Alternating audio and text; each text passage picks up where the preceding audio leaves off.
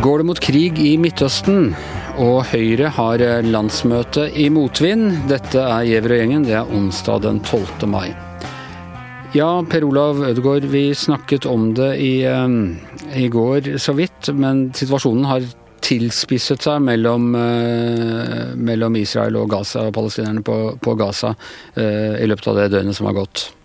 Ja, absolutt. Det har vært en dramatisk opptrapping. og vi så jo at Israel bombet et, en høyblokk i Gaza. Vi så senere på ettermiddagen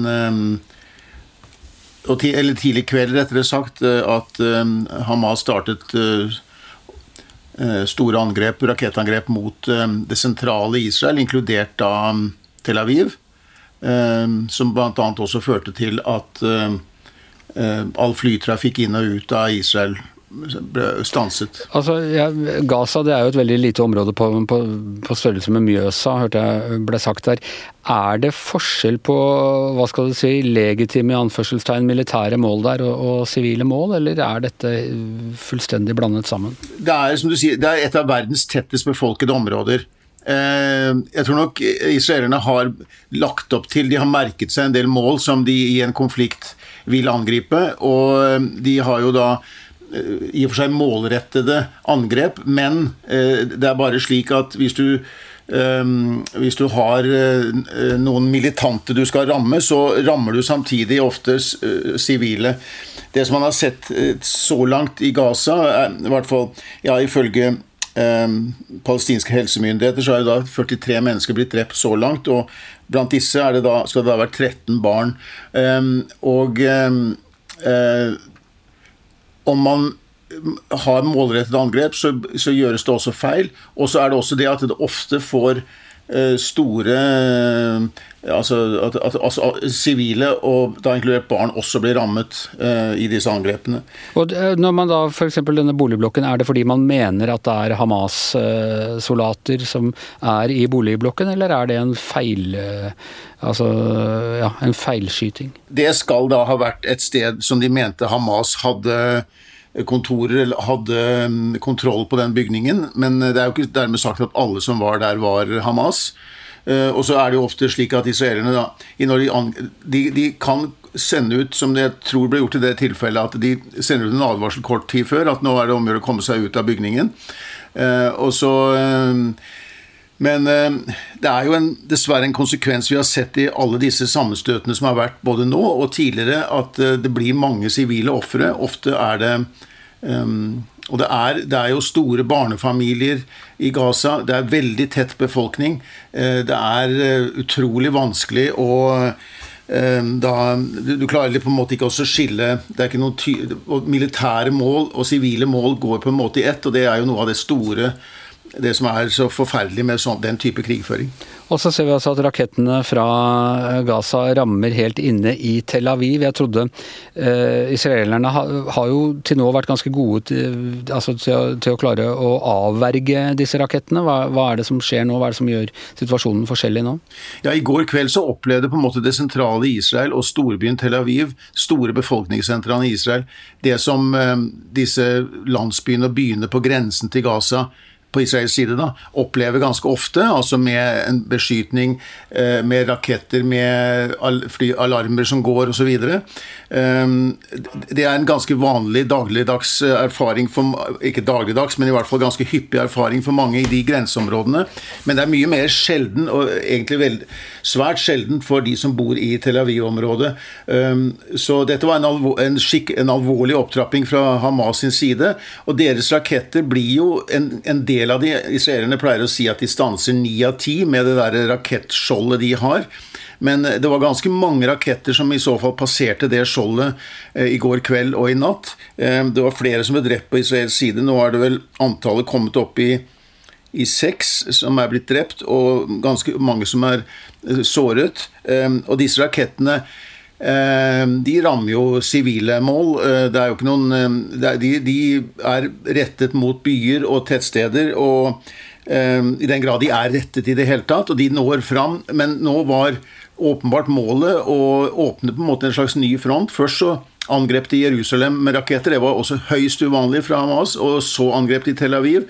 Dette er og, de, og Hamas gjør dette vel vitende om at Israel kommer til å svare veldig hardt på dette, og at det blir en opptrapping av, av og Du spurte innledningsvis er det en, blir det en krig. Jeg syns på mange måter at det er en krig allerede. Hvordan kan denne opptrappingen og eskaleringen stoppes? Altså det er tydelig at partene her eh, eh, de er ikke i eh, humør til forhandlinger akkurat nå. Kan verdenssamfunnet gå inn på noen måte? Kan USA gjøre noe? Det som, er, det som er vanskelig når, når, sånne ting først utløses, når det kommer i gang, så blir det Uh, ofre på begge sider. Det blir, det blir hevnangrep, det blir straff. Det får sin egen dynamikk, og jo flere ofre det er, jo vanskeligere er det på en måte å paradoksalt nok da, å, å, å, å, stanse krigføringen. Det får en egen dynamikk. Dette er virkelig en voldsspiral. Det er mye som pågår i kulissene her av diplomatisk spill. Vi vet jo at FN, eh, sikkerhetsråd, har jo vært samlet eh, nå i de, to, i siste dagene og prøvd å komme fram til en en resolusjon. Den eh, var ikke amerikanerne med på i første omgang. De mente at man skulle heller jobbe i kulissene, og at en resolusjon bare kunne være til hinder. Eh, nå skal de møtes igjen i ettermiddag, så får vi se om de da kommer fram til en enstemmig resolusjon. Men samtidig så foregår det ting. Vi vet at Hamas, altså Egypt og Qatar bl.a. snakker med Hamas i Gaza. Um, vi vet at USA har kontakter med både Israel og med palestinske um, ledere. vet ikke hvilke, de har ikke villet si hvem, hvilke palestinere de snakker med, men de snakker i hvert fall med den israelske regjeringen. Eh, og eh, det er jo sterke oppfordringer fra hele det internasjonale samfunn om å nedtrappe og få ro. Eh, og det er det har jo ofte vært slik tidligere at det er gjerne Egypt har en, hatt en viktig rolle med å forhandle fram, fordi de snakker både med Israel og med Hamas, at de gjerne har klart å forhandle fram en våpenhvile. Det vil komme denne gangen også, men eh, spørsmålet er hvor mye eh, som skal skje før vi kommer dit. Det er, det er høyst usikkert i dag. Det er sju år siden situasjonen var så alvorlig eh, mellom de to, i, i, 2014. Hva var det som løste det da? Da pågikk det jo i, eh, i eh, syv uker. Det var over, godt over 2000 drepte. Um, um, fleste, altså i, bare i Gaza så var det over 2000 drepte, og også Israel mistet mange i den, i den krigen. Um, da var det eh, da, da, var det, jo, det var jo hele tiden internasjonale eh, altså for, press for å få en våpenhvile, og det resulterte omsider i en våpenhvile. Eh, og det er vel det som kommer til å skje nå også. Eh, enten ved at partene på en måte eh, ser seg tjent med det, at nå er det nok i denne omgang, eh, eller at de og, og eller at de blir utsatt for et tilstrekkelig internasjonalt press om nå å stanse kampene. Ehm, det er jo også høyst usikkert hva de da vil oppnå med eh, å fortsette krigen og fortsette kampene. Ehm, Hamas henvender seg nok mye til den palestinske befolkningen i en sånn intern maktkamp med palestinske myndigheter på Vestbredden de palestinske myndighetene på Vestbredden har jo anerkjent Israel. Hamas har aldri gjort det. det her er en kamp om opinionen også på palestinsk side.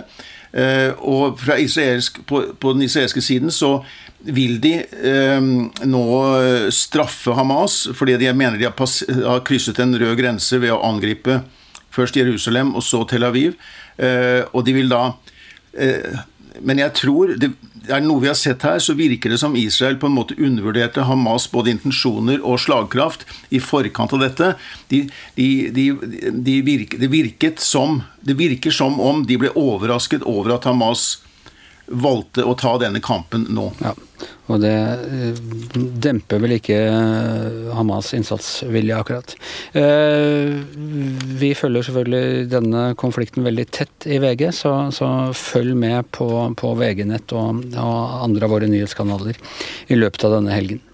Ja, eh, Tone Sofie. Høyre, største regjeringspartiet, skal ha landsmøte denne helgen. Og i går så snakket vi om eh, denne undersøkelsen som viser at de har falt nesten 5% på meningsmålingene. Det er ikke noe hyggelig start på landsmøtet? Nei, overhodet ikke. Det er jo liksom det å ha en god meningsmåling gir jo litt sånn eh, pangstart inn i Det er jo vanskelig nok å få god stemning på et digitalt eh, landsmøte, men det Høyre nå opplever, er jo at den der koronaeffekten som de fikk for et år siden, mer eller mindre begynner å bli oppspist. Ja, og det store ansvarlige partiet som det var en bra ting å, å være nå.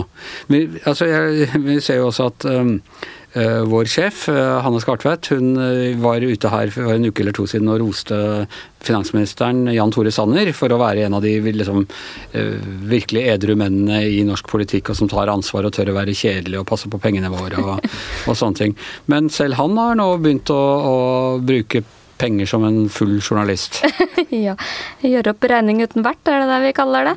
Det var nok kanskje litt uh, ivrig, for uh, det var et revidert uh, statsbudsjett, men ikke spesielt påholden oljepengebruk. det eneste trøsten er vel at det blir vel, det blir vel ikke brukt mindre etter at man har forhandla seg ferdig med Sylvi Listhaug og co. Hvis de klarer det. Og, og uh, altså, ting kan da tyde på, eller det er ganske mange scenarioer som viser at den andre siden overtar, og at Høyre da går i, i, opposisjon. Hva tror du vil skje med partiet da? Altså, nå har de, har de vært i posisjon i snart uh, åtte år.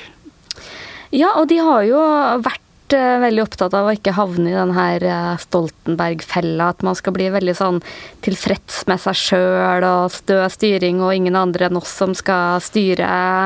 Eh, så jeg tror nok på en måte den koronasituasjonen har liksom vært vi har liksom fokusert veldig mye på at det har gitt dem et veldig sånn styringstillegg, og de har fått en veldig sånn stor scene, men jeg tror nok også at det har ført til at Høyre har um, kanskje kommet litt sånn tilbake med det å utvikle ny politikk brukt alle kreftene sine på å håndtere korona. For det, det, oser ikke akkurat nye prosjekter og nye ideer av Høyre nå. Det er litt mer sånn eh, Folk må jo skjønne at vi må styre videre for å få orden på jobbene og ja, som helheten som Erna nevnte på pressekonferansen ganske mange ganger. Og så fikk de dette pandemitillegget altså fordi de har altså, Man syns de har håndtert denne situasjonen bra. Sånn. Samtidig er det jo på, påpekt at de var veldig dårlig forberedt. Og dette med beredskap var jo en av Høyres store flaggsaker før uh, valget da, i, i, 2013, hvor, hvor de vant uh, slo ut Arbeiderpartiet. Tror du det spiller inn? At folk tenker at ja, de har uh,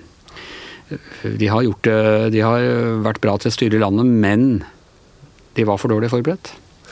Jeg tror ikke det. Jeg tror Den rapporten tror jeg veldig få var veldig opptatt av. Jeg tror, det er bare sånn som oss som leser rapporten. ja.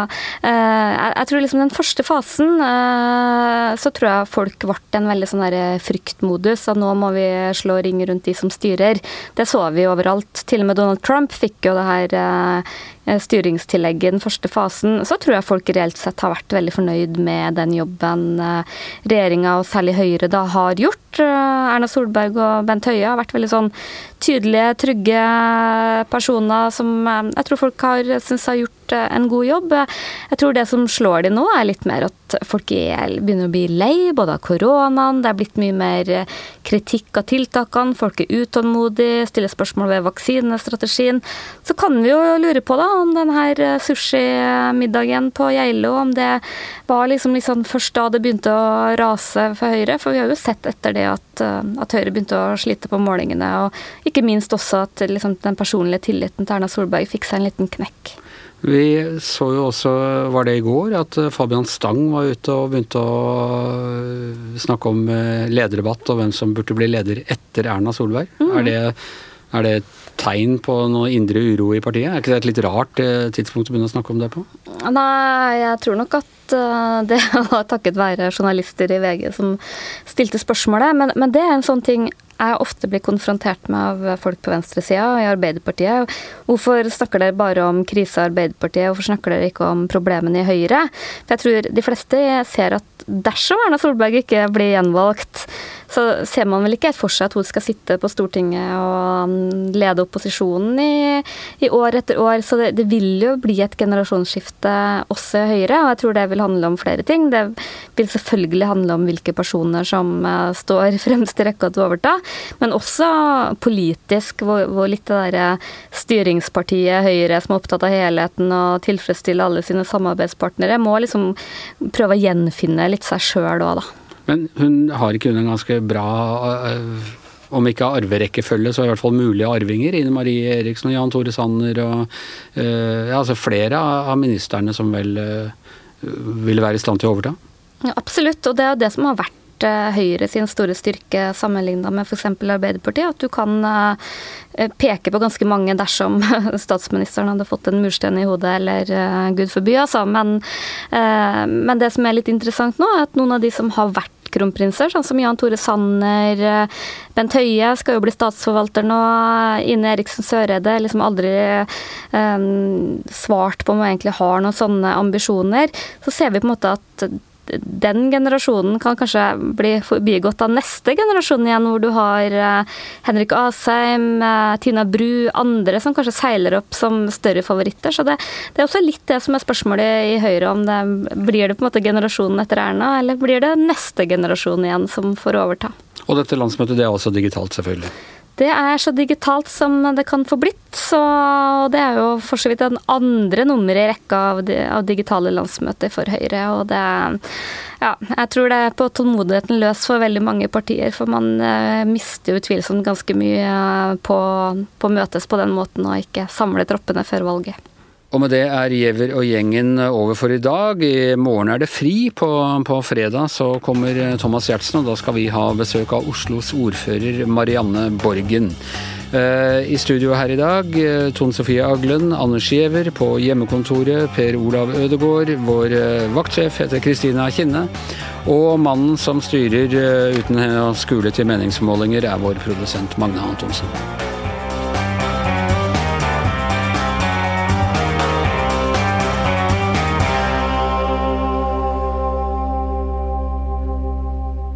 Du har hørt en podkast fra VG.